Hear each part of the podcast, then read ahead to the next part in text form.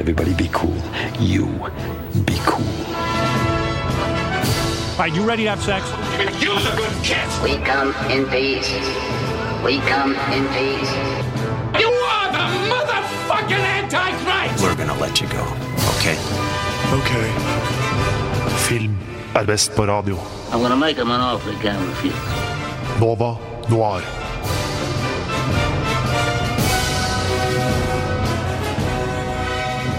Hei, det er eh, torsdag 9. mai. Klokka er ti, og du hører på Nova Noir. Jeg heter Bjørn Christian Sveen, og med meg i studio i dag så har jeg Ludvig Viltil Hei. Og Hedvig Bø. Hei, hei. Og på teknikk så har vi Ragnhild Bjørlykke. Og temaet tema for i dag er eh, Det ble litt morsomt eh, det her, fordi vi bestemte oss for at vi skulle snakke om eh, brutale filmer. Og nøyaktig hva det betyr, det skal vi komme litt tilbake inn på. Men vi endte opp med litt sånn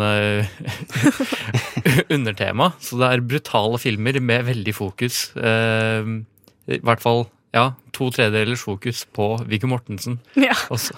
Og det kom litt sånn Det kom, ikke, det kom liksom bare av seg selv. Det kom veldig av seg selv.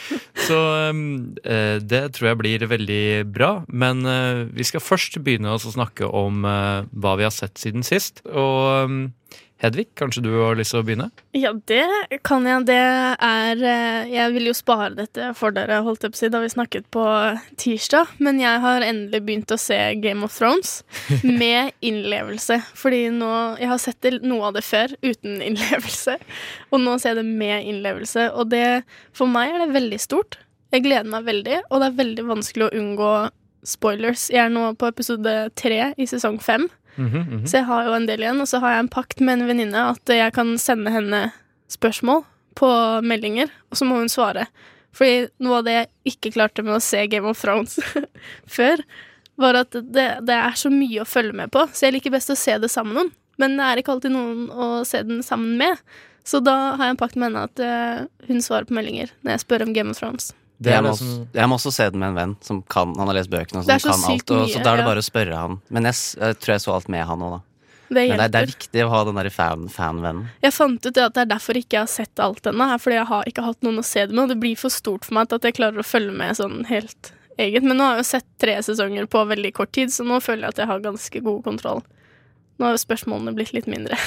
Riktig. Men når du begynte å se på det nå, begynte du fra begynnelsen?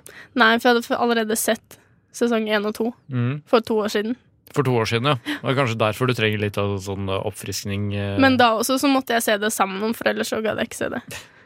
Så du er altså, du, altså du, du, Ikke bare er du den personen som sitter og er sånn derre Hvem er han?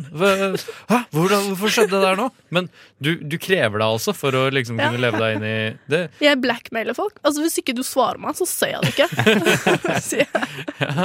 Så får de dårlig samvittighet for alle som elsker Game of Thrones. De Ja. vil jo prakke det på alle andre. Ja. Så det er jo en deal som har funka, da. Fordi at eh, venninna mi vil veldig gjerne at jeg skal se det. Men du har begynt å se det med innlevelse. Men Betyr det Mm. at du nå også har begynt å synes at det er eh, Gøy. bra? Det er kjempegøy. Og Det det er- er så bra, og det er spenning. Og det er sånn Jeg sitter og, og Det er kanskje bra at ikke det er noen der, for Mm. jeg blir så sint når det skjer ting. Mm. Så jeg blir, jeg slår hånda i bordet og liksom Faen! Hvorfor? Why? What are you doing? og så, ja. Så det er kanskje like greit Ja. At jeg sparer den siden av meg selv til meg selv. Det er gøy. Eh, men da har du jo mye å ta igjen, da. Det, Ja. det er jo digg. Og det, det er eh, Spoilers er en greie. Det er veldig, veldig vanskelig. Det er Men- påkjennende for meg som person. At det er så mye spoilers. Jeg føler at nettopp med Game of Thrones så er det med spoilers altså Som du sier, det er jo vanskelig nok å holde oversikt eh, når man ser på det. Så selv om du får spoilers, så, så er ikke det nødvendigvis så spoilete som man kanskje skulle tro. Det er jo mindre spoilete, for jeg har jo levd i den troen at herregud, jeg får jo alle spoilersen uansett, så jeg vet jo basically hva som skjer, at det er derfor ikke jeg gidder å sette. Ja. Men det er jo ikke sant. Nei. Jeg vet jo ikke hva som skjer. Men jeg vet jo sånn hvem som Jeg vet jo sånn cirka hvem som dør, og hvem som ikke dør. Mm. Fordi det har jeg jo fått på meg. Okay. Det ser de jo på Altså når de kommer på Plakater. ja, plakater og press tour og bannere på HBO, spoiler jo hvem som fortsatt er der. Å ja, det har jeg, det har jeg, aldri, det har jeg aldri tenkt på, faktisk. Så det er litt irriterende. Ja. Eh, Du og Ludvig? Jeg har vært et helt annet landskap. Jeg har sett Night School med Kevin Hart. Oh ja. Fordi jeg, jeg bare så den fordi jeg kjeda meg litt, og det var jeg bare, jeg, det er bare tull. Altså, det, var, jeg, ble, altså, altså det, det handler om en fyr som droppa ut av skolen, high school, for da han var 18. da Ja. Og så nå er han Kevin Hart, som er 35. Ja. Og så for å Han må ha high school-diploma for å få en sånn investeringsjobb eller noe sånt hos en kompis. Men spiller han seg Nei, han, han spiller ikke seg sjøl men I komiske roller så er han jo ganske lik seg selv. Jo da. det, Det er jo Kevin Hart, er jo liksom. Og så er det Tiffany Haddish, heter hun vel, som skal være den herre Hun driver sånn night school på high school da, hvor voksne kan eh, ta opp igjen. Ok, ok. Og han og, Men det problemet mitt er at jeg skjønner ikke hvem denne filmen er for. Er, det for, er, det for hvem, er det for high school-folk, og så skal Kevin Hart liksom være 18 igjen? Altså, for opp, han, oppfører, han virker ikke som han er blitt eldre, altså karakteren hans. Nei. Mm. Han er liksom 17 i en eh, Så det er liksom bar barnslig mann, og så er det en sånn dame, lærer, som må passe på ham. Det er det forholdet der som jeg har sett 100 000 ganger før. Og det, men det er, det er liksom ikke gøy heller. Det, det, var sånn, 100 000 ganger før. det var sånn Du vet når det er så lite gøy at du nesten blir irritert. Ja. Fordi at de, de, de prøver å være morsomme, og så, og så ler du liksom så lite at eh, du ikke At du blir sur, rett og slett. Men da lurer jeg på hvorfor Så du den ferdig? Hæ? Så du Jeg filmen så den ferdig? ferdig. Fordi jeg ikke orket å Jeg bare lå der. Det er, for det, det er veldig tidkrevende å finne en ny film. Ja. Det, er ja, det tar jo lengre tid. Ikke sant? Så da er det like gjerne verdt å se en Så film du- du blir sint av. Anbefaler den ikke, altså? Nei. Nei. Nei, jo, jo, hvis du vil bli sint, så. Ja. Hvis du er i det humøret. Så. Hva har du sett siden sist, da, Bjørn? Eh, jeg har eh, begynt å se opp igjen Weeds. Eh, Den Koji Kondo-serien som kom før eh, Orange is the New Black. Koji Kondo er da skaperen av begge seriene. Har, er det noen av dere som har sett det? Jeg har sett Weeds. Ikke Weeds. Det handler om en, eh, en mamma som er nylig, relativt nylig blitt enke, og som forsørger seg selv og sine barn i suburban med å selge Selge eh, Weed. weed. Derav tittelen på serien, Weeds.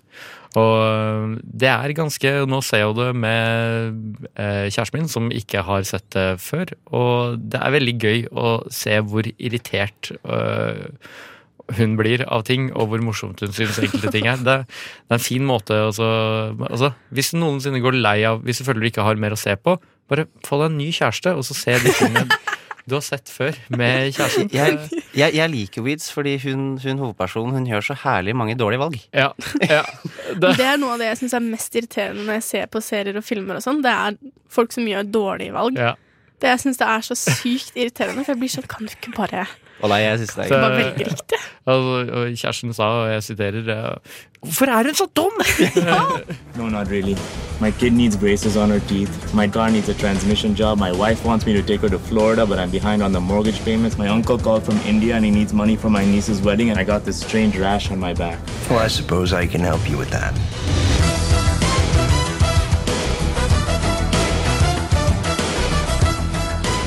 Nånar gir deg de riktige rådene. Og, eh, nå skal vi snakke komme litt eh, til bunns i hva temaet i dag egentlig handler om. Og jeg tenkte jeg skulle gjøre det som så at eh, jeg spør deg, Ludvig. Hva er det du tenker på som brutalt?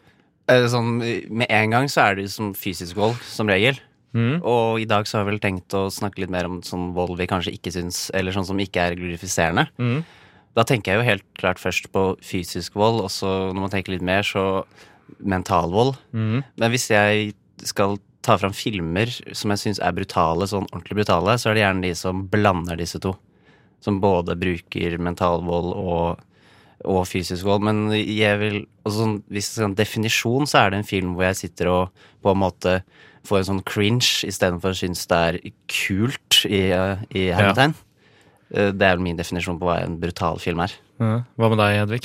Jeg har jo en eh, Når du sa brutal, så gikk jeg rett til sånn hjerteknusende brutal. Så den første filmen jeg tenkte på, var jo The Last King of Scotland. Ja. Fordi det var den som fikk meg til å innse at uh, da jeg var 15, som det lille beskyttede barnet jeg var, så fikk det meg til å innse at uh, verden er et grusomt sted. Fordi den handler om Idi Amin, som var eh, en diktator, sånn terrordiktator i Uganda. Uh, og etter at vi så den filmen Jeg vet ikke hvorfor jeg plutselig fikk lov å se den filmen. Så liksom, med tanke på at jeg var så beskyttet barn. da Fikk lov? Ja, ja, vi så den sammen. Sa du ikke at du var 15? Eh, og så handler den om at Og så um, Kan jeg også bare sånn on, on topic med at du er et beskyttet barn? Hva var den andre filmen du kom på som var Jo. brutal? Fordi da, den er jo den King, Last King of Scotland er jo veldig sånn heartbreaking, brutal sånn for seeren, egentlig, mer enn kanskje Den er jo brutal i filmen også, men da begynte jeg å tenke på andre filmer som jeg på en måte kanskje hadde sagt sånn Herregud, den var brutal, liksom, når jeg har sett den. Og den andre jeg kom på da, var jo uh, Marley and Me. Var det den du tenkte på? som handler om en hund. Og eh, skal ikke jeg spoile hva som skjer i den? Jo, jo da, men, Men- altså, det må bare hvis, eh, hvis du er redd for spoiler i dag, Fordi i dag så skal vi gå i, litt i dybden på forskjellige filmer. Så du, kjære lytter, hvis du er veldig redd for spoilere på noe av det vi snakker om, så må du bare slutte å høre på. Dessverre. Det, det er eh, Eller bare innse at disse minutter. filmene de blir spoila. vi har, eh, ja, vi har lov til spoilers i dag. Så Ja. det er jo, ja, fordi Så- hun, hunden dør. Hunden dør jo, og den er jo, den er jo en rampete hund, og den blir hele tiden framstilt som en sånn eh, slem hund, fæl hund, og så til slutt så viser det seg at de elsker han jo. Han blir ålreit, og de elsker han, og det er så heartbreaking, og når jeg ser den, da gråter jeg sånn ugly cry. Mm. Sånn skikkelig spise is, og ja. Føler du ikke at det er litt en metafor for liksom et tenåringsbarn som får leukemi eller noe sånt? Noe? Det hadde jeg ikke tenkt på. Du gjør, du gjør det bare verre. Men eh, det er jo dyr, og jeg, det er en hund, liksom. Og det, for meg er det veldig ofte Hvis det er dyr, eller hvis jeg, kan, hvis jeg får en eller annen connection Hvis jeg ser en eller annen connection mellom det som skjer i filmen, eller personen i filmen, og meg selv, så er det alltid mye, mye mye hardere for meg å se filmen. Sånn som jeg så også Deepwater Horizon. Mm. Og den er jo en, vanlig, en actionfilm, vil jeg si, men den handler jo om eh, eksplosjonen på en oljerigg. Og da følger vi Mark Wahlberg, som har samme stilling på den riggen som det faren min hadde da han jobba på oljerigg. Og da klarte jo jeg å leve meg voldsomt inn. Empati er liksom en av mine sterkere Ja. evner, og litt ukontrollerbare evner. Så da klarte jo jeg å leve meg veldig inn i den filmen, og var jo helt altså Ja. ødelagt når jeg så den filmen. Tror vi kan oppsummere det som så at uh, brutale filmer, da mener vi filmer som det er ubehagelig å se på. Der du må leve deg inn, men den innlevelsen er ikke behagelig. Det er, det er, eh, det er rensende, men det er også kjipt å se Mm. på de filmene der. Og det er vel eh, den røde tråden mellom de fleste filmene vi skal gå gjennom. En annen rød tråd gjennom de fleste filmene som vi skal gå gjennom, er jo det at eh, etter hvert som vi drev og som nevnte eksempler på filmer vi anså som brutale, så dukka jo Viggo Mortensen opp. Veldig fort dukka han opp. Veldig fort og veldig mange ganger. Så for, eh, fordi vi syntes det var litt morsomt, så er jo Viggo Mortensen med i tre av filmene vi skal snakke om eh, i dag. Og hvilke filmer det er, det skal du få høre utover i sendingen. Den første er History of Violence, som vi skal snakke om eh, straks. Men før det så skal vi høre eh, Grace Ives med Anything. Ja, Grace Ives med Anything fikk du høre der, og nå skal vi snakke om den første brutale filmen på lista. Viggo Mortensen, eh, ekstraordinær, eh, A History of Violence. Uh, dere har begge sett den. Mm. Mm. Og det er jo da um, David Cronenberg sin første ikke-horrorfilm. Ja, ja, det blir vel det. Og eh, handler da om eh, om eh, Tom Stall, som er en kaféeier i en liten by i USA. Skjer veldig kjipe ting, og han står som stå- står igjen som dagens helt, som får veldig mye medieoppmerksomhet. Og så er det noen shady karakterer, blant annet Ed Harris eh, karakter Carl Fogerty, som begynner å oppsøke Tom og så og være litt slitsom eh, der en stund. Og vi kan jo høre på en trailer. You're the big hero. Really don't like talking talk about it, sir. You sure took care of those two bad men, Joey. My name is Tom. My daughter, where is she? What's going on, Dad? They thought they knew me. Thought I was somebody else. Nothing to worry about, Mrs. Stahl. I've been watching over. her. I don't know what you want, and I don't really care. You should care about what I want because what I want might change your life. Why don't you ask Tom and ask him how come he's so good at killing people? Why don't you ask Tom? Jeg digger det der. Ja. Han, han, han ser jo, hvis man har sett filmen, så han ser jo ut som en sånn stereotypisk skurk. Sånn Mm. arr over halve ansiktet, og han kan vel bare se på et øye. Jeg, jeg, jeg liker så godt Ed Harris, for han kan altså, han, han må spille liksom sånn maskulin, eh, tøff eh, fyr. Men han kan spille liksom patrioten og den mest moralske, flotteste, varmeste fyren. Og så kan han også spille liksom den mest kyniske, kaldøyde jævelen eh, også. Ed Harris er nok en av mine favorittskuespillere. Men eh, kanskje komme tilbake inn på hva som gjør eh, filmen brutal. Mm. Det er jo noe det første jeg tenkte over når jeg så den, var jo at eh, sånn helt rent voldmessig og sånn Som du sier, han var han Kron Cronenberg mm. var jo Gore director før. Mhm. Og det første jeg la merke til, var at i den første kaféscenen, når han skyter han ene i fjeset, så er det en veldig kjapp sånn scene hvor man ser at han ligger med fjeset ned, og så har liksom halve fjeset hans sprengt vekk av Mm. den kula. Og det tror jeg er noe av det mest som Jeg opplevde som det mest realistiske eh, sånn Gore jeg har sett. På Han, han, sånn han tar film. liksom den gamle Gore-kulturen sin og bare putter det på vanlige mennesker istedenfor zombier eller, eller hva det Mm. måtte være. Og og, da, gjør han det- ja. og da blir det så innmari mye mer effektivt. Ja, og så var det sånn kjapp sånn bare innom scenen, liksom. Den hvilte ikke noe på, på det bildet i det hele tatt. Den bare liksom kjapt forbi. Og det, det, det var noe med det som gjorde det ekstra ubehagelig, for det var akkurat som det ikke var meningen at du skulle se det, og du rekker liksom ikke å tenke «Wow». Så det var veldig sånn Det kom en sånn flash av ubehagelighet, da, som vi nevnte i stad, det er liksom noe av det som gjør det brutalt. Den der ubehagelige, du har ikke lyst til å se på det. Mm. Fordi teknisk sett så tror jeg i forhold til eh, skudd løsna og folk som dør osv., så, videre, så kunne det her vært kar eh, liksom karakterisert som en actionfilm. Men det er en actionfilm der du ikke har lyst til å se volden, eh, egentlig, fordi det er så ubehagelig hver gang. eh, det er jo, eh, Viggo Mortensen har jo sagt om eh, om eh, eh, David Cronenberg at eh, David Cronenberg ville at eh, når det dukka opp vold på skjermen, at, at tilskueren skulle ha lyst til å se bort, men Mm. ikke, allikevel ikke helt få det til. Og det begynner jo med, og det ser du ikke så grafisk, men helt i begynnelsen av filmen så er det jo noen som skyter et barn. Ja. Ja. Det er sant, så brutaliteten ligger jo på en måte der og hviler hele tiden. Mm.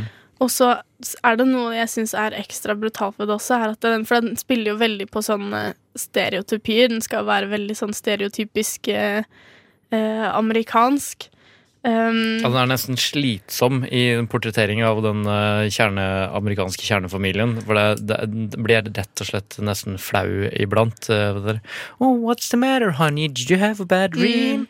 Eh, ja, den er veldig sånn over replikker og alt de sier. Det er mye som virker veldig stivt, men så Oi, høne i halsen. Så slår det deg at det liksom ja, Det det kunne jo ha skjedd, da. Det kunne jo faktisk ha skjedd, og det syns jeg gjør det litt ekstra mer brutalt. For når man ser actionfilmer og sånn, så vet man jo at det her er så far-fetched. Mm. At det gjør ikke noe å se på det, på en måte. Men det her var sånn fuck, det kunne jo faen ha skjedd. Det er en voldsfilm som ikke glorifiserer volden. Mm. Og det er eh, ikke helt vanlig i Hollywood-kontekst. Og så er den jo Den kan jo gå under som en slags gangsterfilm òg. Ja, absolutt. Eh, og det er jo en sjanger som ofte tar glorifiserende voldsscener. Mm. ja. Så Ja. kanskje, det er derfor, kanskje det er derfor man blir litt sånn Eller tenker litt over History of Violence, fordi at du er vant til den estetikken. Og så her tenker du at det er jo likt, ganske likt, men fortsatt er det et eller annet som skurer, og man blir litt kvalm, og det er litt ekkelt. Så det er jo på en måte et friskt pust. Kanskje feil begrep, men Mm. det er jo det. Det, og så syns jeg den er veldig kul, for den har på en måte flere lag med som, som på en måte som, Den heter jo History of Violence fordi han Tom Ståhl har en History of Violence. Ja. Men så er det også han sønnen. Han ser du jo at begynner å bli veldig påvirka. Jep. Av det faren har gjort, noe som han jo på en måte gjorde til å starte med i selvforsvar og på reaksjon, liksom. Mm. Men han blir framstilt som en helt, mens han sønnen blir mye mobba. Mm. Og så er det et tidspunkt hvor det er en sånn high school fight, hvor han blir på en måte trua opp i et hjørne. Mm. Hvor han da til slutt klikker, og da er de løs på de her mobberne. Mm. Og da fikk jeg også sånn vondt i hjertet. Altså, det kom jo veldig fram at min type brutalitet er sånn vondt i hjertet-brutalitet. men, -hmm. men da også kjente jeg sånn at det var litt vondt, da. Mm. Å se på at han på en måte skulle falle ned i samme bane. Og dette er jo før, før vi på en måte finner ut at han faktisk er Joey, og man tror at han er en vanlig, vanlig, mm. farm guy som bare gjør det han tror er riktig. Mm. Sånn at det, det syns jeg var ganske sånn Og så ser man liksom at eh, sønnen Han ser ut som han er vant til å slåss også. Ja. Det er liksom sånne ordentlig Det er sånn ordentlig haymaker-slag og sånn. Det er ikke bare sånn dytting og Nei. Det, det det kommer er, det, er, det, er det arvelig, liksom? Den derre eh, lyden eh, det, det er ordentlig brutale, harde slag. Og det er jo Mm. For han ender vel Er det ikke sønnen som ender opp med å så nå, husker jeg ikke helt om sønnen ender opp med å skyte noen, eller om han bare holder på å skyte noen. Han ender opp med Han å redder eh, faren sin, Ja. fordi eh, Det er jo en brutal scene. Er det ikke det? Du kan se Du ser Ja, og det er også noe de har med i filmen. Det er kanskje ikke, det er ikke så veldig mye sånn up close and personal, holdt jeg på å si, av sår og gory ting. Men det de har med veldig ofte, er den derre splatten av blod Mm. de får i ansiktet når de har skutt noen, eller noe sånt. Så det er sånn Ja, det er, det er liksom en annen vinkling på vold Det er det masse ser. blod, og det renner på en sånn skikkelig Mm. ubehagelig måte. Og det ser skikkelig ekte ut. Ja. Og det liksom måten de reagerer på også, er sånn Du ser på han eh, Tom at han på, Det er ikke første gang, men han syns ikke det er gøy. Nei. For han får sånn Ja, flinsj. Han flinsjer, da. Mm. Og da ser du på en måte at det er jo ikke første gang, for da hadde du jo liksom Altså hadde det vært meg, så hadde jeg jo brekt meg Mm. skikkelig.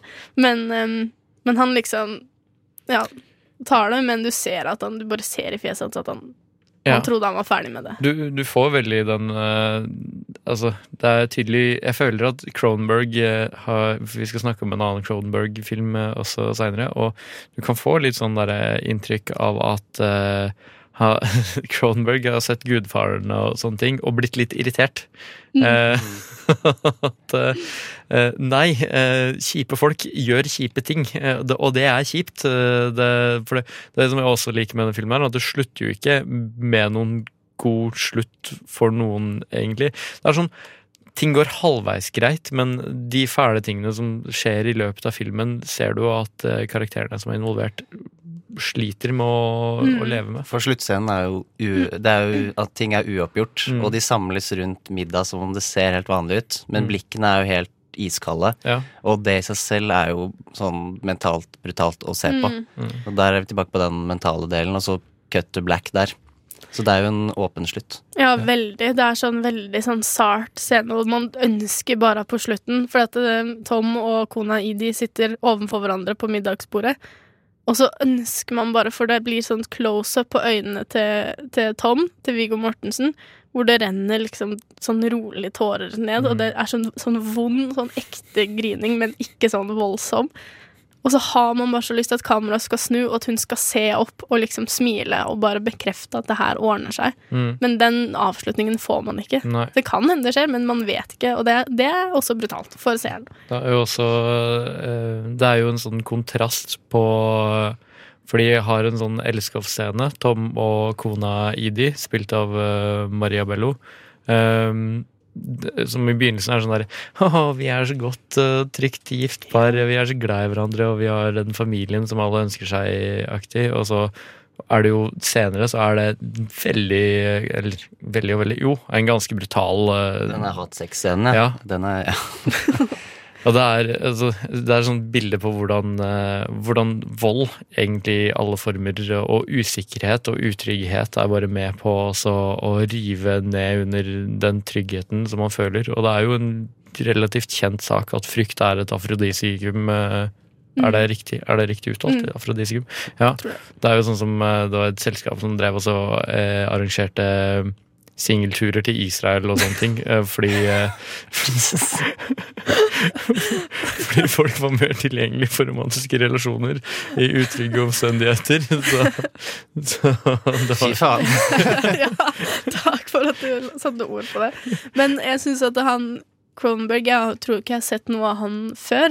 Nei. Og det jeg syns er veldig kult med han, er at han får fram viktige ting i historien. Bilder med bilder, da. Sånn som den der at de gikk fra å være et loving couple til å ha hatsex i trappa, liksom. Det er så veldig Det tydeliggjør så veldig følelsene og endringen som har skjedd. Og som jeg nevnte, den scenen på slutten med blikkene, det sier så sykt mye om om indre følelsesliv, da. Så Mm. det syns jeg han er veldig, veldig Mm. flink til å få fram. Jeg er veldig enig. Jeg er veldig Mm. enig. Har du noen avsluttende tanker, Ludvig? Eh, ikke egentlig. Jeg bare tenker at jeg har begynt å tenke veldig mye mer på dette etter jeg så den. For jeg, jeg tror jeg har sett den flere ganger, og men jeg har liksom aldri tenkt så veldig mye på det. Jeg tror ikke jeg likte den første gang jeg så den, men, eh, men Jeg tror jeg var litt, litt for ung. Jeg tror jeg så den da den kom ut, så tror jeg var hakket for ung. Jepp. Men nå liker jeg den veldig godt. Men det var eh, vår samtale om History of Violence. Straks skal vi snakke om en eh, annen uh, Cronenberg-Viggo Mortensen-film. som går på mye av det samme, så det blir litt fortsettelse her. Fra en halvveis gangsterfilm til en helveis eh, gangsterfilm. Eh, og vi fortsetter på undertema eh, Altså, vi fortsetter på brutale filmer. Undertema Viggo Mortensen, og også featuring eh, David Cronenberg, for det er den andre David Cronenberg-filmen vi har med også. Og det her var eh, ditt valg, Ludvig. Og Kanskje du vil fortelle litt om filmen? Den handler om Anna, spilt av Naomi Watts, som er sykepleier på et sykehus i London. Hun jobber på fødeavdelingen. Og så kommer det en tenåringsjente som dør, men føder barnet først. Eh, og, og hun tar det på sin kappe å finne ut uh, hvor dette barnet kommer fra, fordi hun finner en dagbok på denne jenta, Tatjana.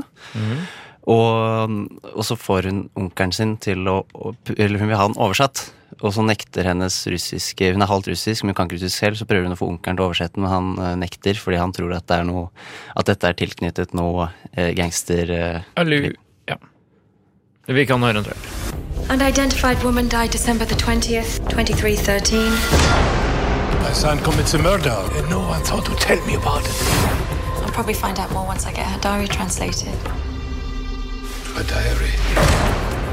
It's always good to have someone who I can trust to do simple tasks. You want to go for a drink? What did this man want? He wants the diary. Forget any of this ever happened. Stay away from people like me. Can't afford to be careless in any area. Den, den traileren der selger ikke filmen veldig bra. Det kan jeg Det, si. det, det er veldig gøy med den traileren der, er at uh, det virker som den er klippet uh, helhetlig for å lure tilskueren til å også tro at man skal se en annen film enn det man faktisk uh, får se. Det høres veldig mye mer spenningsdrevet uh, Ja, for det, ja, og så høres den litt mer sånn overfladisk gangsterfilm ut. Og det trodde jeg første gang jeg så den også. Så jeg ble jo positivt overrasket, men igjen her så går vi på Her er det mer den derre her tenker jeg mer på den fysiske volden i starten. For den aller første scenen her er jo, skjer jo på i en hva heter det, barbershop, frisørsalong, Mm. hvor en blir drept med sånn gammeldags eh, barberblad, barberhøvel. Barberkniv. Og i den glorifiserende filmen eh, så ville det mest sannsynlig vært én sånn liten sånn Mm. pst, over, eh, over halsen, og så kommer det en liten sånn splatt, og så ser det litt sånn stilisert ut. Men her så sliter han morderen med å skjære ordentlig. Så ser det, som han, det er han skjærer han som skal være et stykke brød, ikke sant? sant? det ser ut som det kunne ha vært og så er det klumsete, for det ser ikke ut som han liker å gjøre det heller. Også, Og så- Også denne karakteren som gjør dette her, er i tillegg mentalt Han er vel faktisk mentalt tilbakestående. Ja. Og bare det igjen, at du bruker, han bruker nevøen sin, som Han er er tilbake psykisk utviklingshemmet. han er det, og, han, Ja. og te, så kaldt å bruke sin nevø som er det, til å skjære over Altså bare her, bare Mm. starten her er jo både mentalt og fysisk brutal. Så, øh, så ok, vi er her, ja. Ja. så, ok. Det er, altså Den halsen eh, der, den har tekstur, den har brusk og eh, ja, allting eh, Altså, Cronenberg er jo kjent for, øh, selv i senere tid, å bruke Å ikke bruke dataanimasjon, men fysiske Mm. Props. props. Mm. Og, Det ser sånn ut, i hvert fall. Det ser skikkelig ekte ut, og det at han sliter, gjør jo bare at det ser ja, mye ektere ut, men samtidig ikke, for man er jo det eneste gangen jeg har sett at noen har fått kuttet halsen sin, er jo på film. Og da skjer det, skjer det en sånn swipe motion. Så dette så jo nesten fake ut. Ja, hvis du har en sånn uh En sånn uh, Special Forces-film, da, sånn derre Take out the targets. så er det liksom bare opp med kniven, og så bare sånn tuk, tuk, Da er det ferdig. Det renner nesten ikke noe blod, og bare liksom øh, Bare segner dem sammen, og er ferdig. Det, her var det liksom sånn risting og skriking og grining. Men det er jo kanskje et veldig tydelig bilde på forskjellen mellom glorifisert vold og ikke glorifisert vold. For jeg Mm. skulle til å si sånn som i Sweeney Todd, hvor, han, eh, hvor det er greia hans, at han kutter halser med barberkniver. Ja. Så ser det jo nesten elegant ut. Det ser ut som en sånn derre sveip, Nettopp. bare sånn swish. Så man blir jo helt sånn fascinert. Mens i den her så sitter du og rynker på nesa bare Nei, nei, nei. ok. Ja. Ja, det er, altså, og øh, den blødende tenåringsmoren også, når hun, før hun skal gå inn i øh, Ja, fødsel, grusomt. er, øh, det var utrolig Bare de, de, første, de første fem minuttene er bare generelt brutale. Jeg, jeg har ganske sterk voldsmage, holdt jeg på å si, men uh, mange av portretteringene på vold, av vold i denne filmen her fikk meg til å virkelig sånn øh, Vri i nei, ja. Uh, da, ikke minst den saunascenen. Den er ganske Der har du Det syns jeg er et ganske godt For det, grep. For det er mange eksempelscener her. Fordi også et grep er jo denne, denne um, dagboken er jo veldig viktig i Mm. filmen. Mm. Fordi når, når onkelen ikke vil få den oversatt, så prøver, eh, så prøver hun å gå til en sånn Hun må vel skjønne at han, eh, han Semyon er en gangster når hun drar Altså, til sånn alle andre skjønner det. Det er for å komme tilbake. Hun går i hvert fall til en sånn eldre fyr som driver en sånn restaurant da, som opplagt er en front. Altså, det er sånn Hvorfor går hun akkurat dit? Nei, altså, det, det, kan man, det kan man lure på, men uh... Det må jo være fordi han liksom er kjent som sånn russisk patriark i Og det er sånn der, en russisk patriark i London. Da, da er du enten så er du jævlig naiv, eller så er du på jakt etter Men det er jo det hun fremstår som. Ekstremt naiv. Det står jo også vakter på utsiden. Altså, Viggo Mortensen i denne filmen er jo altså utkledd som en mafioso. Altså, svart, lang skinnfrakk, svarte briller, kort hår med, med en sånn fancy svart bil. Og så sier han at han bare er sjåfør. og så ingen, han- ingen som sier det er Og er snakker bare med russisk aksent. Altså, kunne du ha blitt Ja. mer Altså, jeg hadde Nei, Det er jo hadde ikke gått inn dit engang. det er enkelte Når, når du ser på, på sånne gangsterfilmer, så er det enkelte ting du ikke gjør. Du oppsøker ikke liksom den shady øh, østeuropeiske familien øh, i nabolaget. Og øh, du forteller dem ikke hvor du bor og hvor du jobber. Begge de, delene, begge de tingene gjør hun veldig fort. Og så, når du først har havna i trøbbel med dem, og du har fått bekrefta at å ja, det her er kriminelle, så eh, går du i hvert fall ikke og så truer dem og spytter dem i trynet, og så roper hemmelighetene deres høyt liksom- på gata. Det skal jo være liksom at hun er hardass og sånne ting. Og det, det er en Føler du det? Nei, for det, det kommer litt sånn Det syns jeg er litt Det kommer litt Jeg syns ikke det Jeg syns ikke hennes karakterutvikling funker så godt. For at først så er hun dum og naiv, og det virker som at hun er snudd og tvistet litt for å passe inn i en film han Kronenburg har sett for seg at sånn skal den være, og så Ja. bare tvister vi henne rundt litt uten å tenke over Jeg det. syns utviklingen hennes er ganske bra, men den bare gjennomf gjennomføres ikke helt, kanskje. Litt for lite tid. Fordi hun, blir- hun blir definitivt mer kynisk og hardere. All norsk film er best film. Send en norsk film til oss. Gi den ti av ti.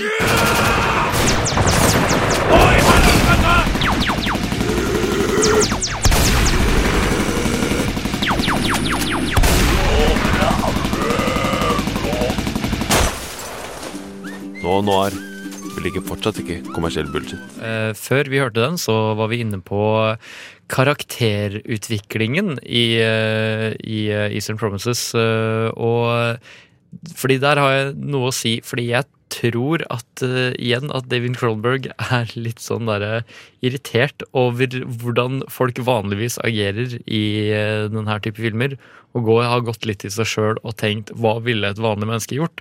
Og det er nettopp derfor jeg tror at eh, noen av karakterene, i hovedsak eh, eh, protagonisten Anna, for det er vel hun som Mm. må sies å være protagonisten, Ja, det må vi si. Ehm, at grunnen til at hun framstår som veldig naiv og litt håpløs og, og sånne ting, er rett og slett fordi eh, den filmen her forholder seg ikke til filmlogikk. Den forholder seg til at folk er håpløse og ikke helt vet hva de skal gjøre, etc. Ja, jeg har egentlig aldri hatt noe imot henne som karakter. Hun blir liksom eh, sivilistens Vi ser inn, på en måte. Mm. Hun blir en slags eh, flue på veggen-personhybrid. Ja. Ja, jeg syns hun var eh, kjempeirriterende. jeg syns hun tok feil valg hele tiden, og det er fair at det er menneskelig å ta feil valg, absolutt. Men da, ja, jeg, jeg klarte ikke relatere meg til henne, da, som ofte, hvis jeg ikke klarer det, så blir det jo et stort problem for meg, for det er jo ikke så veldig ofte jeg Mm. ikke klarer det, holdt jeg på å si. Mm. Sånn at når hun sitter der og stirrer en mafioso-boss i trynet og liksom forteller han hvor hun jobber og sånne ting, og du ser jo på ansiktet hennes at hun ikke syns det er lurt, men så klarer han på veldig, veldig eh, åpenbart vis å lirke det ut av henne likevel, og klarer å overtale henne til å gi han dagboken og sånne ting, eller til å Hun er jo smart da og kopierer dagboken istedenfor å gi han hele. Mm.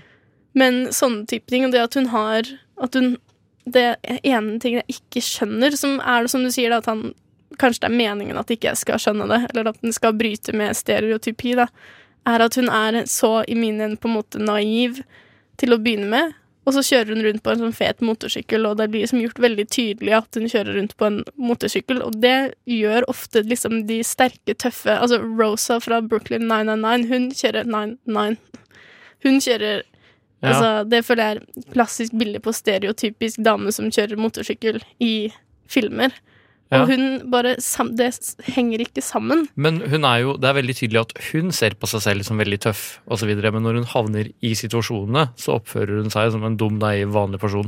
For jeg er ikke sikker på altså, Du sier at du ikke greier å relatere til henne, men eh, hvis vi plutselig hadde sittet der på en restaurant, og det hadde kommet en eldre russisk mann og så begynt å vært veldig hyggelig, men også litt truende, og begynt å stille deg spørsmål liksom, Ja, hvor jobber du, og hvor er du fra, og sånne ting. Det, altså, det er veldig kontraintuitivt å ikke svare på de spørsmålene. Jeg tror det er på en måte nettopp derfor hun gjør det i filmen. men du ser jo i ansiktet hennes at hun merker at det er noe sketchy. Exactly. Ja, det er nettopp det som gjør det ganske bra òg, da. Nei, men Det er det jeg syns gjør det tvil, altså tvilsomt. Fordi at eh, hvis, du, hvis hun hadde på en måte gått med på det og var åpenbart at hun ikke visste det, så hadde det vært sånn å ja, hun vet ikke, hun skjønner ikke at han er en mafioboss, så da gir det mening. Da, da kan jeg skjønne at hun hadde gitt ut Nei, da informasjon. da hadde karakteren blitt mye dårligere. Mens hvis hun vet, hvis hun er i tvil, hun syns at dette er sketchy, og så Ja. velger hun å gi ut informasjon. Jeg skjønner at du, du baserer det her på en logikk. Det er, for Og det er det du blir sier at det ikke er. ulogisk, men menneskelige handlinger er ikke logiske. Jeg tror det er eh, noe av greia.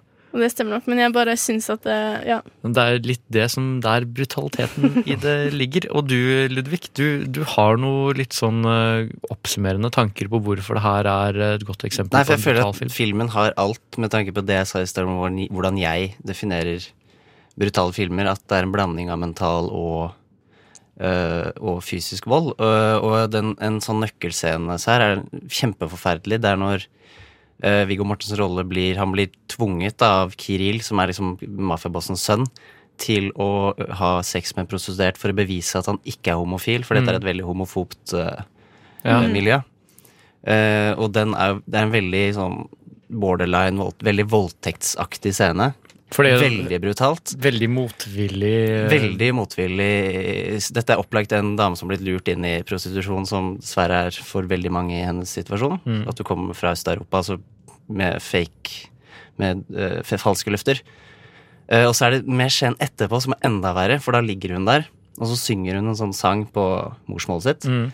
og bare ligger der og ser ut hun er opplagt helt uh, Er altså. PTSD. Mm. Og det reflekterer jo også på Det er en narrator-stemme, som er den uh, unge moren som uh, dør i begynnelsen av filmen, og om hvordan hun kom til å havne i samme situasjon som denne, denne liksom ekstreme bikarakteren av en prostituert som uh, blir tvunget til å ligge med Viggo Mortensen på det tidspunktet. Og også ja, vi, spør, vi, vi får jo vite selv om filmen at Viggo Mortensens rolle er en undercover politimann. Mm.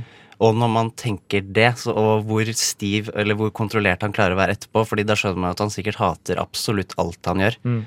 Uh, men akkurat den scenen da, når du etter du får vite at han er faktisk er en politimann, da må bare Hvordan det har gått inn på han som vi ikke ser i det hele tatt. Mm. Fordi han kommer aldri ut av skallet sitt, uh, som vi ser, i hvert fall. Nei. Det er aldri noen scene hvor han får uh, blåst ut. Verden er et hardt og ugjestfritt, ugjestmildt sted, og gangstere, det er kjipe folk som driver med trafficking og heroin. Ikke fortell dem de hvor du jobber hen. Altså, don't do it. Hold deg unna. Eh, Hedvigs råd. det var det vi rakk om eh, Eastern Promises. Eh, Nå skal du få høre Claude If I Were You, og så skal vi snakke om Into the Wild. And the brandy, don't let me finish, can now be heard. Okay. I'm not fucking finished in the back of the voice at the voice now. Well, I'm still not finished. Nova Noir. Vi er ikke ferdige ennå. I can't go fast because Michael Caine talks very, very slowly. Vi har eh, snakket om eh, vold og gangstere og sånne ting, men nå skal vi over til en eh, litt annen type brutalitet, Hedvig. Mm, nå skal vi mer over til den type brutalitet som jeg syns er brutal. Mm, det her som er er- den mentale når du sitter igjen med ødelagt hjerte på slutten av forskjellige grunner. Mm, vi skal snakke om Into the Wild, og først så kan vi høre en trailer. I wanna buy you a new car. Why would I want a new car? Datsun runs great. I don't want anything. Everything has to be difficult.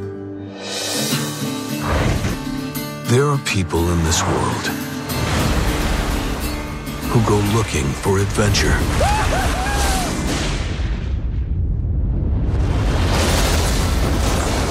Christopher McCandless was searching for himself. So you're a leather now. I'm a leather? Yeah, leather tramp. That's what they call the ones that hoof it. Don't you think you ought to be getting a job and making something of this life? I only got one plan. I'm going to Alaska. Alaska, Alaska?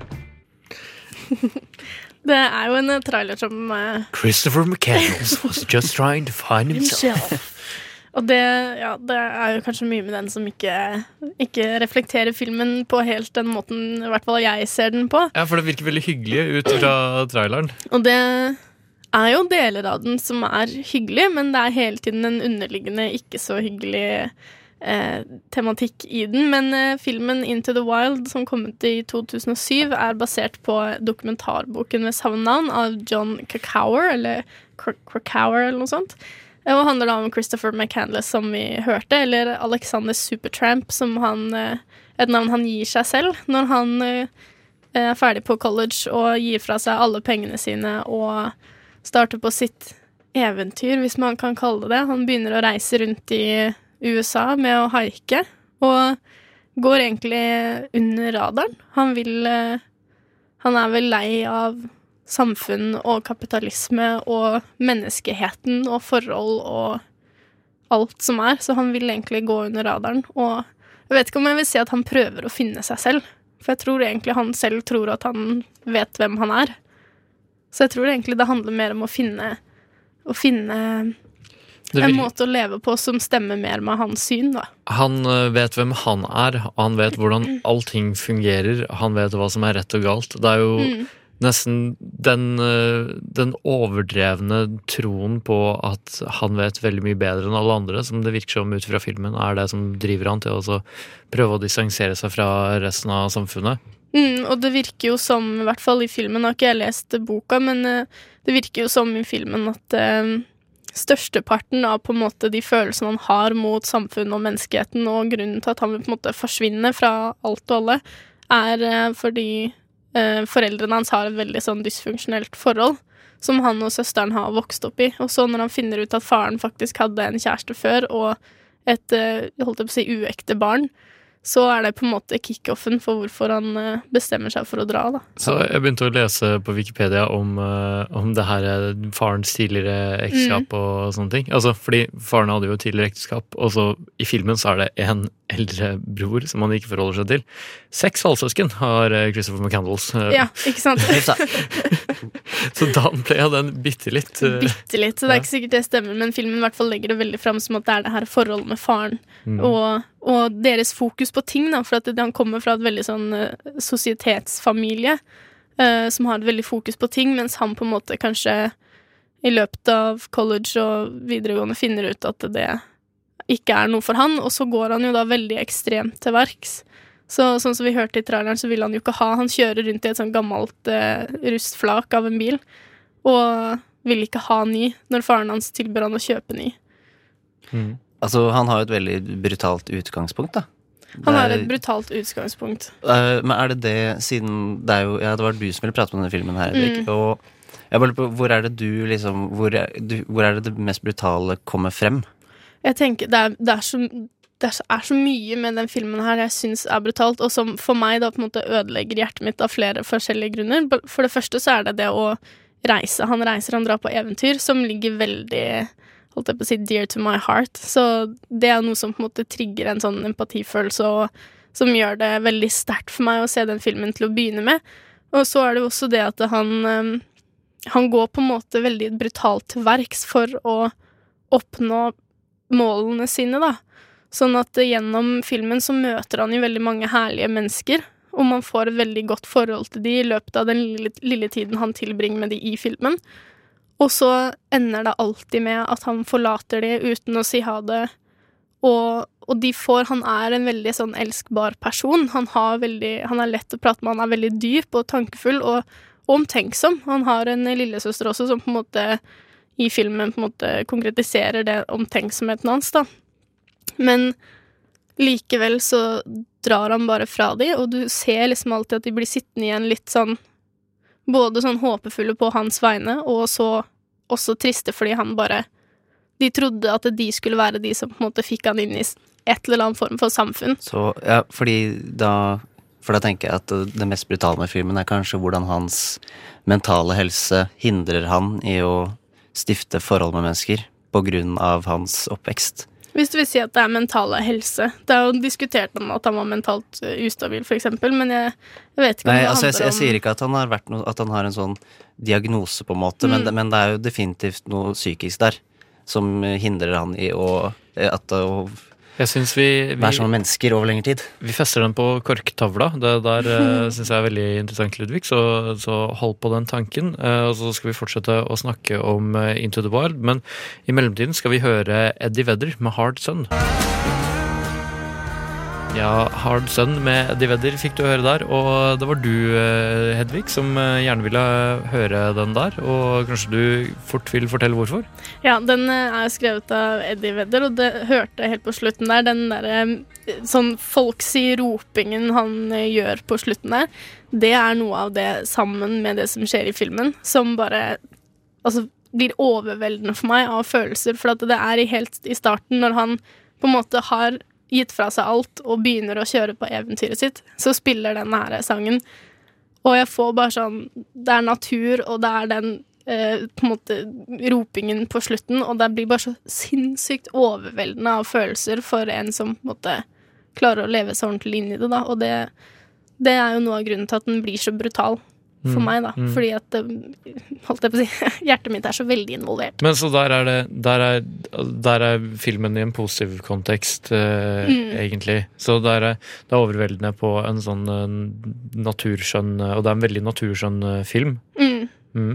Så, men fordi ja, fordi den filmen her den, den er veldig delt opp mellom det positive og det negative. Og vi var inne på, før vi hørte sangen, eh, litt om den mentale tilstanden til eh, Christopher eh, McCandles.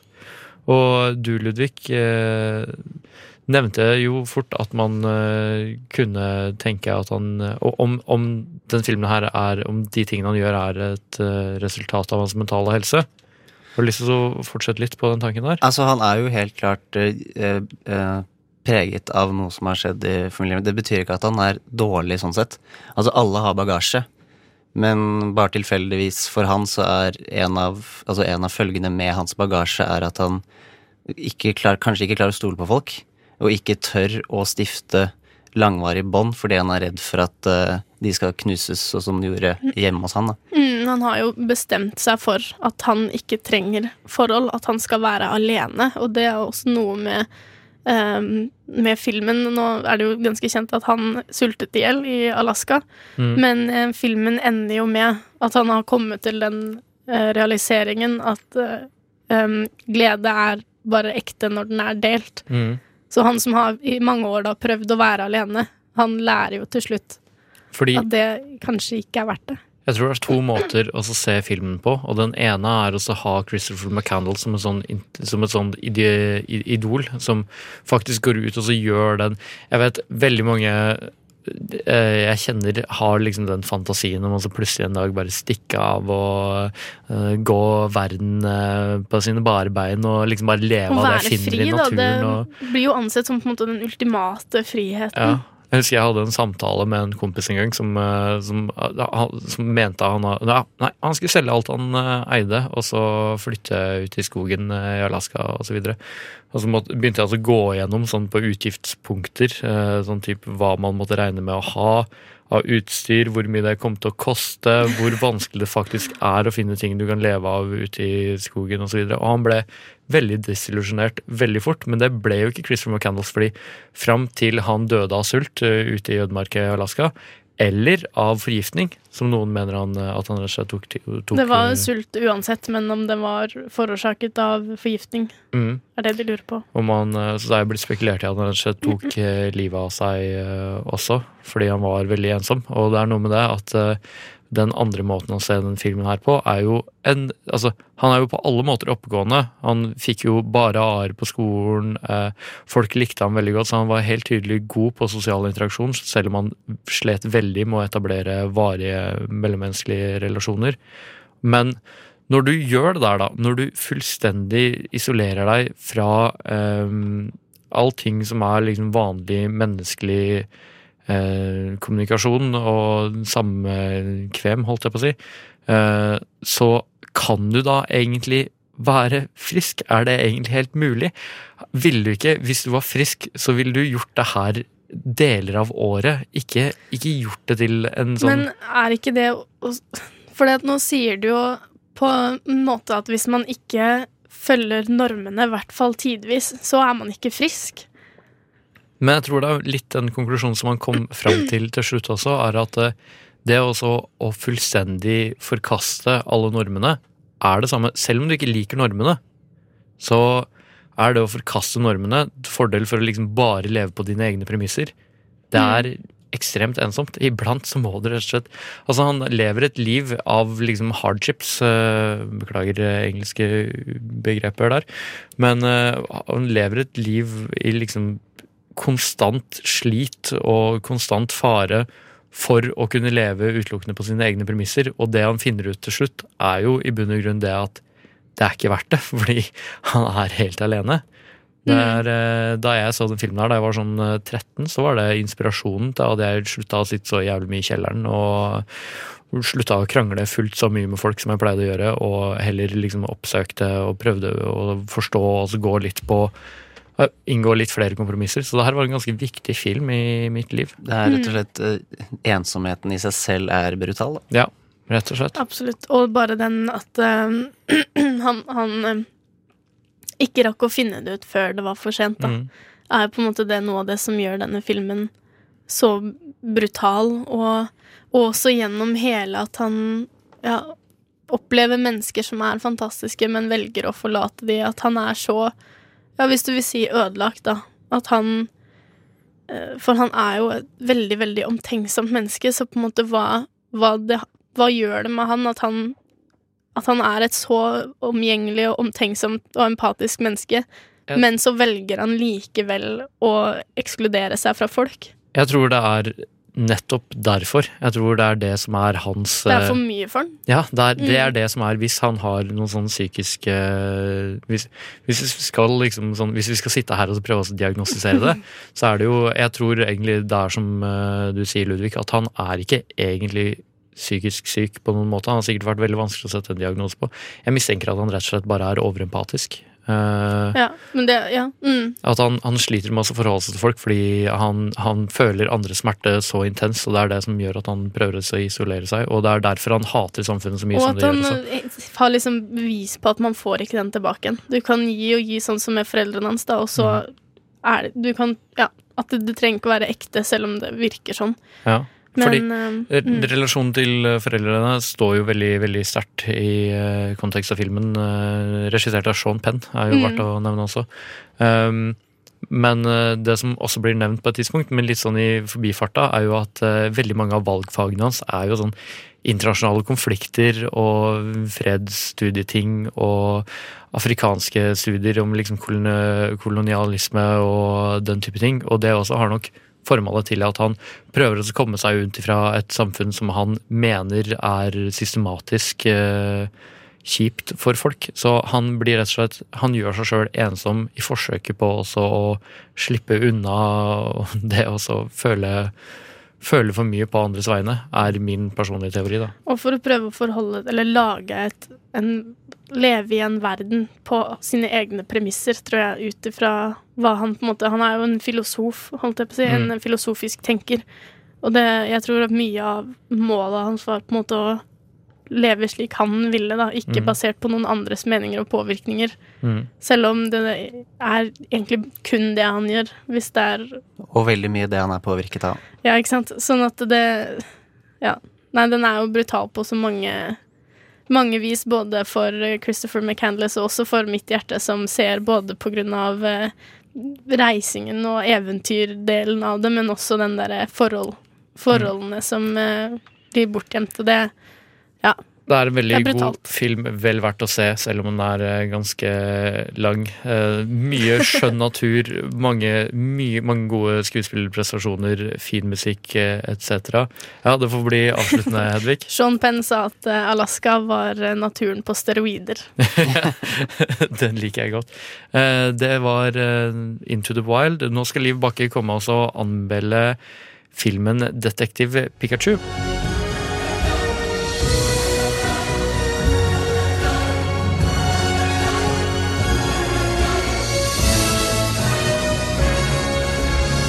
Radio Nova presenterer ukas kinopremierer. Ja, da har vi fått eh, Liv Bakke inn i studio. Hei sann, sveisann. Og du har sett uh, storfilmen Detektiv Pikachu. Storfilmen Pikachu. Jeg sa Detektiv Pikachu. Pikachu. Pika, pika. Ja, den har jeg sett uh, med Jeg vet ikke helt hva slags forventninger, men jeg jeg kan jo egentlig begynne å fortelle hva den handler om, da, for de som lurer litt på det. Eh, Detective eh, Pikachu er en eh, live action spillefilm om eh, det store Pokémon-universet. Som rett og slett handler om Tim Goodman som prøver å finne ut hva som har skjedd med faren. Harry Goodman som på mystisk vis eh, forsvinner. Som, han er også en stjerneetterforsker, da. Eh, og da, sammen med detektiv eh, Detektiv Herregud. Detektiv Pikachu, så, eh, som han møter eh, ganske i starten på den etterforskninga, så blir de det perfekte team. Dere skal få lov til å høre en eh, trailer her nå. Welcome to Rhyme City, a celebration of the harmony between humans and Pokemon. Did you just understand me? Oh my god, you can understand me! Stop! I've been so lonely! They try to talk to me all the time. All they hear is Pika Pika. Oh, you can hear him, right? Pika Pika! Yeah, Pika Pika Pika. He's adorable. You're adorable. They can't understand me, kid. Can no one else hear him? I don't need a Pokemon, period. Then what about a world-class detective? Because if you want to find your pops, I'm your best bet. We're gonna do this, you and me. Ja, det var litt av eh, den filmen der, som dere hørte. Um, jeg ve- vet egentlig ikke helt hvor jeg skal starte, fordi at eh, jeg eh, gikk inn i den kinosalen der eh, med en fortid som en ganske Pokémon-fan. Altså 80% av min barndom var Pokémon, og de 20 resterende prosentene gikk til å spise og sove og gjøre lekser, liksom. Så dere kan jo tenke dere eh, at eh, jeg var kanskje litt sånn kritisk. Jeg også, til tross for at du syns jeg sier eh, Pikachu eh, feil. Pikachu. Nei, jeg vet ikke hvordan du sa det, men ja. Pikachu. Så jeg vet ikke, jeg vil egentlig spørre dere først hva slags forhold dere har til Pokémon. Er dere like sjuke som meg? holdt jeg på å si? Jeg begynte vel egentlig da jeg var liten å spille på fetteren min sin Gameboy Color. Hvor Ja, jeg fikk beskjed om å bare trykke på A hele tiden hvis jeg Mm. møtte på en eh, Pokémon. Så det var mitt inntog. Men så har jeg jo spilt spillene liker jeg veldig godt, men jeg har nesten aldri sett noe av det. Nei. For det er ganske ulikt i Altså den serien som har brukt å gå på TV2 ganske tidlig på morgenene i helgene, som jeg så veldig mye på. Det er jo på en måte en helt ny historie. Det er jo eh, Pikachu som er en detektiv, og han snakker i tillegg. Der begynte jeg allerede å bli litt sånn eh, skeptisk. Eh, men man finner jo, finner jo ut litt på slutten at eh, Eller hvorfor han snakker. Eh, jeg skal prøve ikke å spoile noe handlingsmessig, men det er no noen sånne småting som jeg vil snakke om. Eh, og jeg vil jo egentlig begynne med kanskje det som dro filmen litt ned. For det aller første jeg tenkte på, var eh, foto, egentlig. Eh, for jeg syns det minner meg litt om sånn Disney Channel slash eh, Disney XD slash eh, Nickelodeon på noen eh, fronter. Men så dro det seg litt opp igjen, for jeg syns egentlig at fotoen er veldig bra. Det er veldig fine bilder, og det redder veldig mye, egentlig. Det er veldig god bruk av eh, lydeffekter, og musikken er for så vidt grei, men jeg savna litt sånn ordentlig soundtrack, hvis dere skjønner. At det kunne gjort filmen litt bedre, var det satt, var det første jeg tenkte på. Eh, og så syns jeg at det kunne vært litt mer sånn Pokémon-kamper. For det er på en måte én ting at eh, Pikachu, han eh, har vært i storform en gang i tida, og at eh, Tim han har jo i utgangspunktet hatt lyst til å bli Pokémon-trener. Eh, så man får se en kamp. Man får litt innblikk i hvordan det er å kaste den pokerballen og prøve å treffe en eh, Pokémon og litt sånn. Men jeg trenger litt mer, følte jeg, da. Litt mer innblikk i de kampene. Litt mer sånn spenning rundt det, selv om det er veldig mye action og det er veldig spennende. Men så blir det litt for forutsigbart igjen. Den er litt åpenbar, selve filmen, selv om det på en måte er en ny handling, men man skjønner jo på en måte hva som skjer der. Det typiske gutt møter jente, gutt blir litt interessert, og så man skjønner at det er et eller annet greier der. Eh, man skjønner at det skal skje noe sjukt, og at eh, det kan skje at noen dauer, og så er det ingen som gjør det. Litt spoiler der, men altså, det, det er jo en familiefilm. Eh, og så eh, syns jeg Egentlig at den er veldig godt grafisk lagd. Det er veldig mye sånn effekter som gjør at eh, Det er jo, altså jo Pokémon. Det er jo så eh, Hva heter det grafisk som man kan ha det. Det, finnes, altså det er jo noe som ikke finnes, ikke sant. Så man blir jo litt sånn herre Åh, jeg kunne ønske jeg også hadde en Pokémon. Det hadde vært litt kult, for at de ser jo litt jeg vil ikke si at de ser ekte ut, på en måte, men, eh, men det er veldig kult. Og jeg savna jo en del Pokémons, vil jeg si. For eksempel min favoritt som er Evie, eller Ninetales. Hvor var den? Eller eh, eller uh, Rapidash. Jeg vet ikke om dere skjønner hva jeg mener nå, men det var sånn mange sånne jeg mangla litt. For det var liksom bare de samme hele tiden. Og Pokémon-universet, det er stort. Eh, så det savna jeg litt. Um, utenom det så er det jo, som dere sikkert hørte litt i traileren, eh, det spiller på veldig mye humor. Eh, og mange tenker jo sikkert litt på Deadpool når de hører Ryan Reynolds, som har stemme som Pikachu.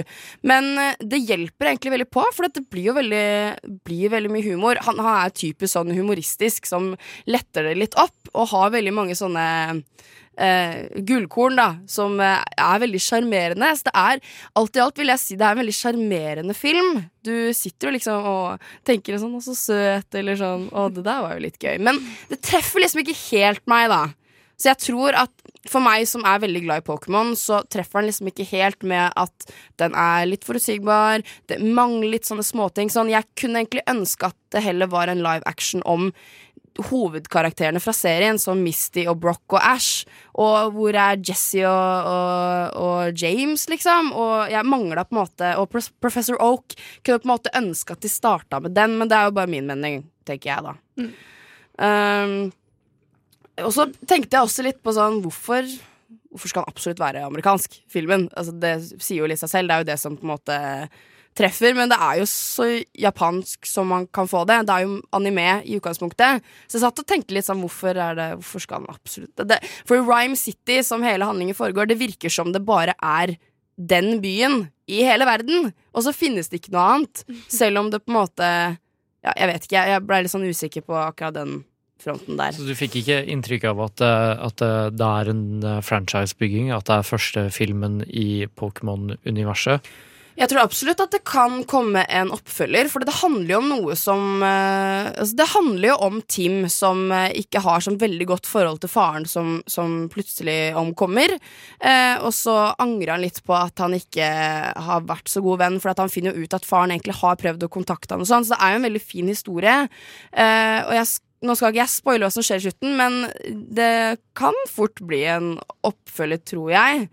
Men uh, det kan jo være sånn som Det er jo så mange Pokémon-filmer. Plutselig så kan det hende at det kommer en live action med Ja. de personene som jeg ønsker. Da. Fordi det er det jeg forbinder litt med, med min erfaring med Pokémon. er jo I begynnelsen, når det var 150 Pokémon, så var det jo Kanto-regionen var jo Ja, liksom den eneste regionen, og så Ja. har det vokst noe jævlig.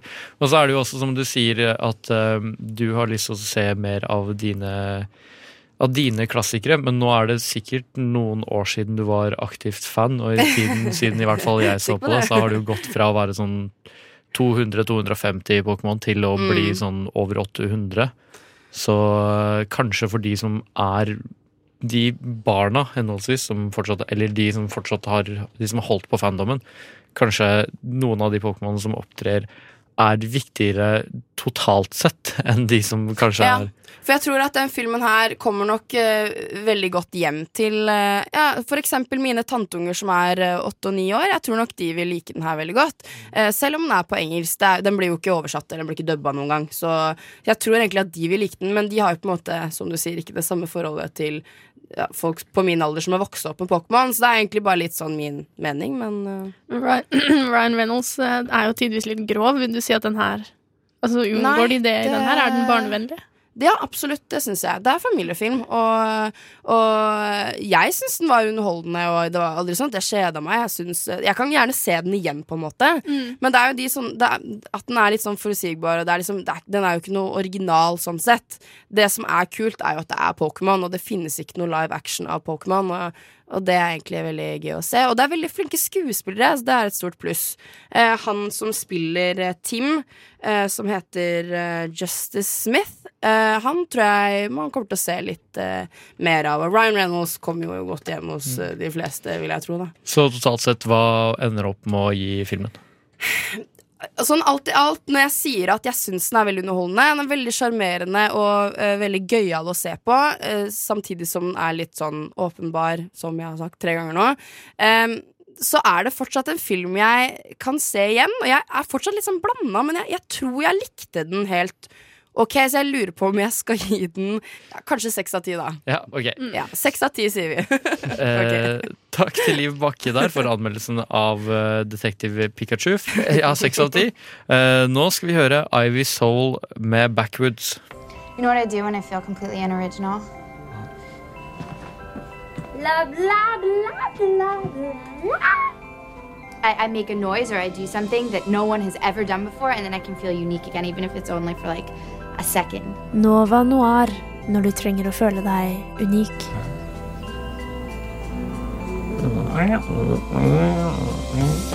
Over på noe litt annet enn eh, vold og sånne ting. Vi fortsetter fra Into the Wild og tar for oss Captain Fantastic igjen med Viggo Mortensen i hovedrollen. Uh, Captain Fantastic handler jo da om en, eh, en litt uh, sær familie som uh, starter i skogen, der denne familien bor. Viggo Mortensen er patriarken eh, i familien. Eh, vi kan eh, høre en trailer. How's she doing? We're a family. This is your fault. Leslie had a disease. Wherever you are, stay there. You show up, I will have you arrested. We can't go to Mommy's funeral. We have to do what we're told. We want to see Mom. Grandpa can't impress us. Some say love. Right now, this is your first real test. Remember your training. They have hot dogs. What's cola? Poison water. Well, I'm so happy that our family is together. It's all local and organic. How did you kill those chickens? With an axe or a knife? By there's a rotisserie chicken, so you buy it on it's already dead. Ja, det er jo eh, eh, mye på samme linja som eh, Into the Wild. Det, er jo Viggo Mortensen karakter har jo Faen er det han heter? Ben. Han har jo Han forsøker jo også å hoppe av gridet, akkurat som McAndless gjør. Og har da tatt med seg hele familien i dragsuget, eller ja, om det er positivt eller negativt, det blir jo litt opp til uh, tilskueren å bedømme, men uh, det er veldig fundert på liksom sånn høyere, ide høyere idealer enn det kanskje gjennomsnittsfamilien uh, har. Og um, det her er en film som det er, her er en av mine absolutt favorittfilmer. eh, fordi jeg syns den den sier så noe Og i all sin absurditet så sier den så mye om måten som vanlige mennesker, vi vanlige mennesker lever livene på. Idealene vi følger, og måten vi gjør ting på, tingene vi spiser, etc. Og på et følelsesmessig plan så har jeg aldri Jeg har sett den filmen her sikkert seks ganger. Jeg har aldri ikke eh, liksom felt en tåre. En gang så eh, begynte jeg, ble jeg faktisk blank i øyet bare av å fortelle mora mi om den. Så, eh, så jeg syns den her er følelsesmessig brutal. Den er, eh, den er veldig, veldig god, syns jeg. Og igjen så gjør jo Viggo Mortensen en helt fantastisk eh, karakter som faren. Og det, som vi hørte i traileren, det derre sjokket ungene får når de møter eh, samfunnet på, for første gang, på en måte. Og det er jo kanskje det som er hovedtemaet i filmen, på en måte. Det derre For de har jo vokst opp helt off-grid, og, og ikke bare off-grid, men i et helt annet idealsett, som du sa, da, og det er veldig mye de lærer som ikke bare hvordan de heller burde leve, men hva som er feil og dårlig med samfunnet vi andre lever i, på en måte.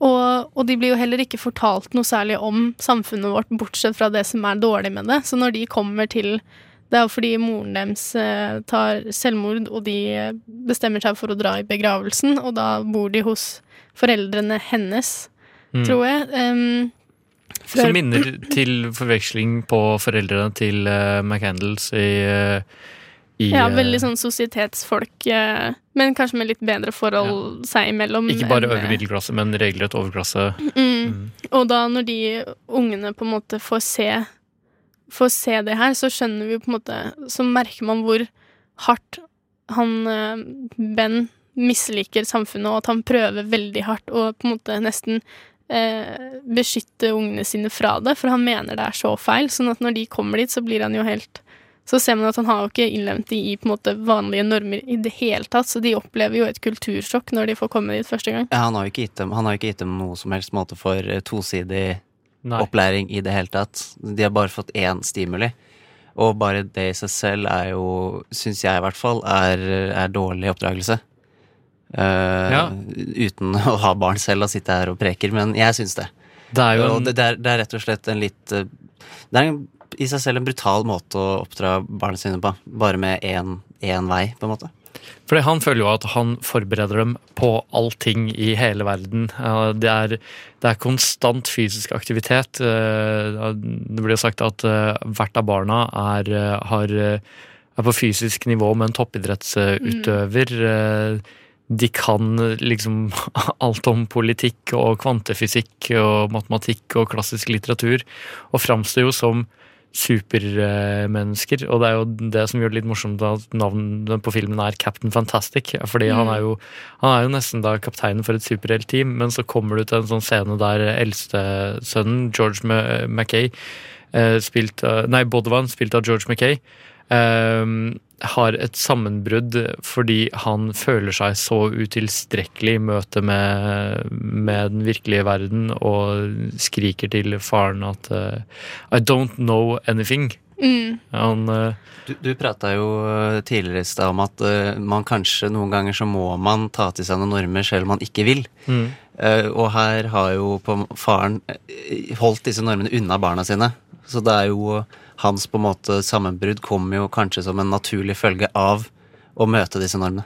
Men jeg liker denne filmen veldig godt og syns den er veldig følelsesmessig, stor og overveldende og sånne ting. Men en ting jeg ikke liker med denne filmen, er det dere snakker om nå, at man må at man Kanskje man må innfelle seg med noen normer og sånne ting. Og så syns jeg filmen begynner så bra med å vise en ny type livsstil, og, og på en måte fremstiller den ganske sånn positivt, da.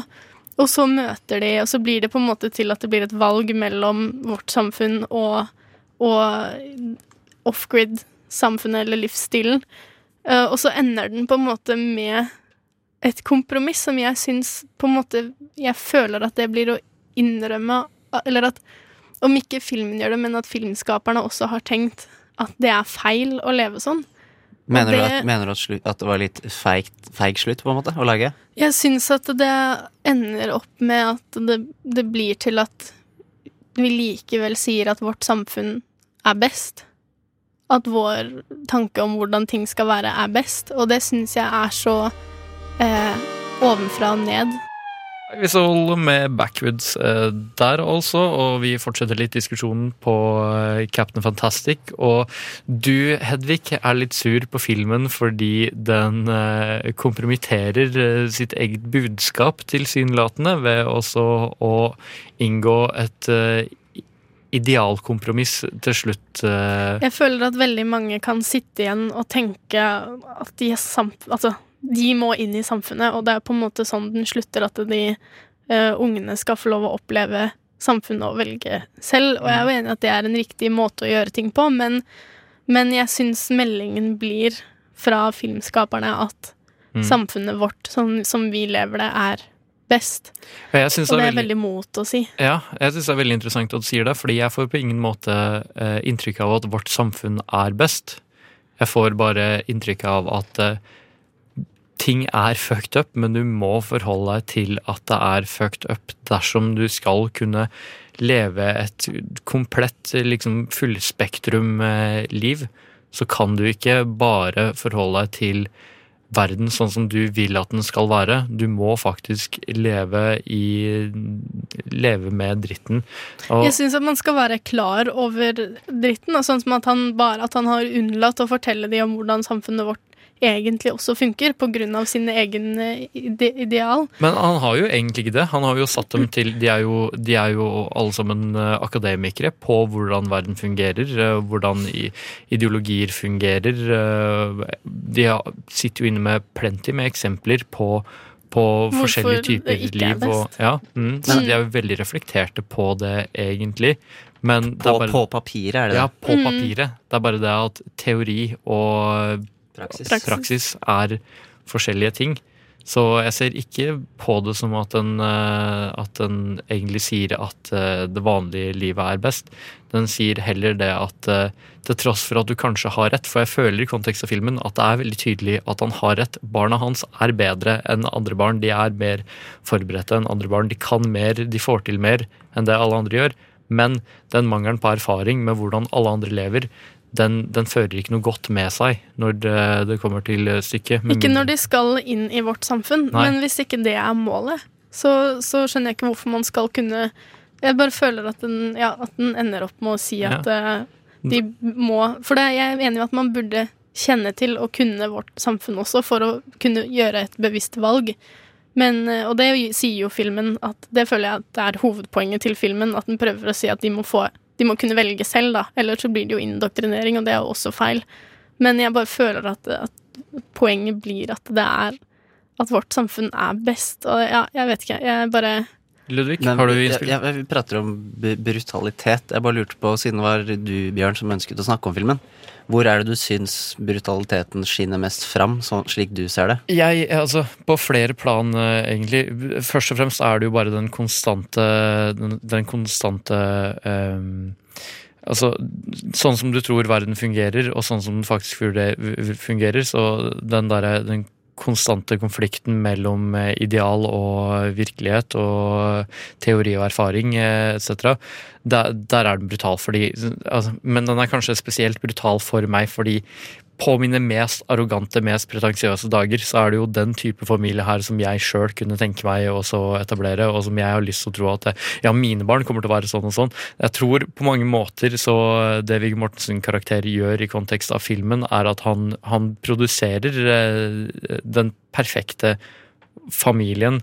eh, sånn som de fleste ville, ville nådd den. Det som gjør den brutal, er det at du får se hvor mye du må ofre for å kunne nå de, eh, de idealene der.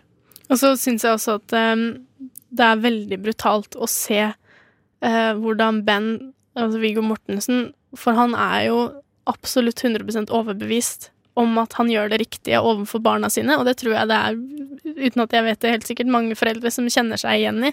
At man eh, tror at man har på en måte utrusta barna sine best og gjort de beste valgene for, Mm. eh, barna dine ut ifra dine egne erfaringer og, og tanker og meninger, og så eh, og gjør de opprør på en måte mot deg, da, som du sa at han eh, Bo eh, fikk eh, sammenbrudd og mente at han ikke var rusta for verden og kan ingenting, og en, en veldig del av filmen så er jo han veldig imot faren sin, og Mm. det tror jeg er så utrolig jævlig å oppleve som forelder, hvis man ikke er forberedt på at den perioden kanskje kommer. Mm. Og det ser du liksom på Viggo at er altså Det opplever jeg som veldig, veldig brutalt, av den realiseringen han også går igjennom med at eh, fadder Mm. Altså, barna mine er uenige med meg i det jeg setter så utrolig, utrolig høyt, liksom. Og så er ikke barna nødvendigvis enige om at det er riktig, og det tror jeg må være helt jævlig. Og da å se på liksom en annen familie som på en måte barna dine sympatiserer mer med, og på Altså, man tenker jo da at de mener at de gjør det riktig. Og det tror jeg er utrolig vanskelig. Ja, det er utrolig vanskelig. Det har vært en gjenganger i dagens sending at uh, sannheten, eller når folk ser sannheten eller opplever virkeligheten, så er det der de mest brutale øyeblikkene er. Mm. Oh, yes. Og det er kanskje det som gjør det morsomt, spesielt i filmkontekst, er at eh, film er vanligvis en appell til fantasien, men de filmene vi har snakka om i dag, er brudd på fantasien. Det er, Mm. eh, det er et forsøk på å framstille det ubehagelige og si at hei, det her er også viktig. Og, og komme på terms med, med hvordan verden faktisk fungerer, og ikke bare gå og drømme seg bort eh, hele tiden. Mm. Med det så må vi nok eh, avslutte diskusjonen om Captain Fantastic, eh, og så skal vi høre Black Honey med Spinning Wheel. Ja, der hørte vi eh, Black Honey med Spinning Wheel, og diskusjonen om eh, Captain Fantastic den har fortsatt å rase eh, i studio. Eh, spesielt mellom meg og Henning. Men ja, vi kan jo ta litt oppsummerende. Føler du at du har fått innsyn i mitt og Ludvig sitt ståsted på hva som er brutalt i løpet av sendingen, Hedvig? Ja. Ja. Ja, jeg syns eh, Jeg syns det, det er gøy at vi har at vi har klart, jeg føler at vi har klart å vise hvor forskjellig brutalitet kan være for Mm. folk. Da, hva forskjellige sider av brutalitet kan være. Både sånn helt rent ekte brutalt på film, men også den uh, brutaliteten man sitter igjen med som seer. For meg, så blir Hvis man er litt ødelagt etter å ha sett filmen, da har det vært en brutal film i mine øyne, uavhengig av sjanger og handling og alt sånne ting. Og så kommer vi vel også fram til at Eller som du sa, Ludvig, at det er gjennomgående i Altså, det er det jeg kommer fram til gjennom sendinga. Virkeligheten er, er brutal. Virkeligheten er brutal. Ja, Det er sant. Og at den der å måtte, å måtte se sannheten plutselig, eller at man får øynene opp for noe man trodde man visste, kanskje, at det er eh, enda mer Nye brutalt. da. perspektiver. Mm, som du ikke var klar over i det hele tatt at du manglet. Det er eh, Det kan være veldig brutalt. Mm.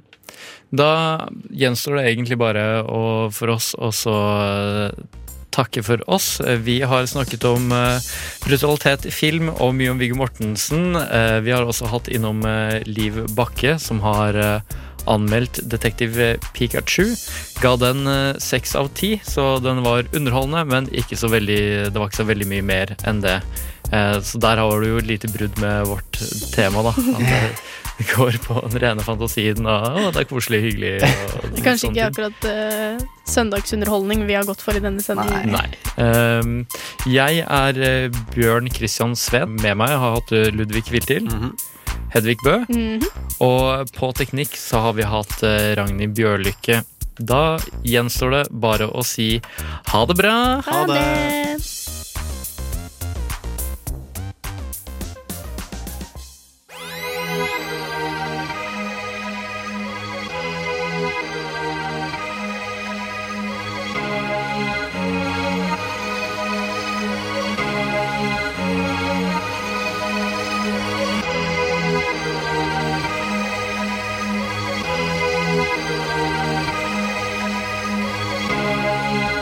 Siden 1982 har Radio Nova gitt deg favorittmusikken din, før du visste at du likte den.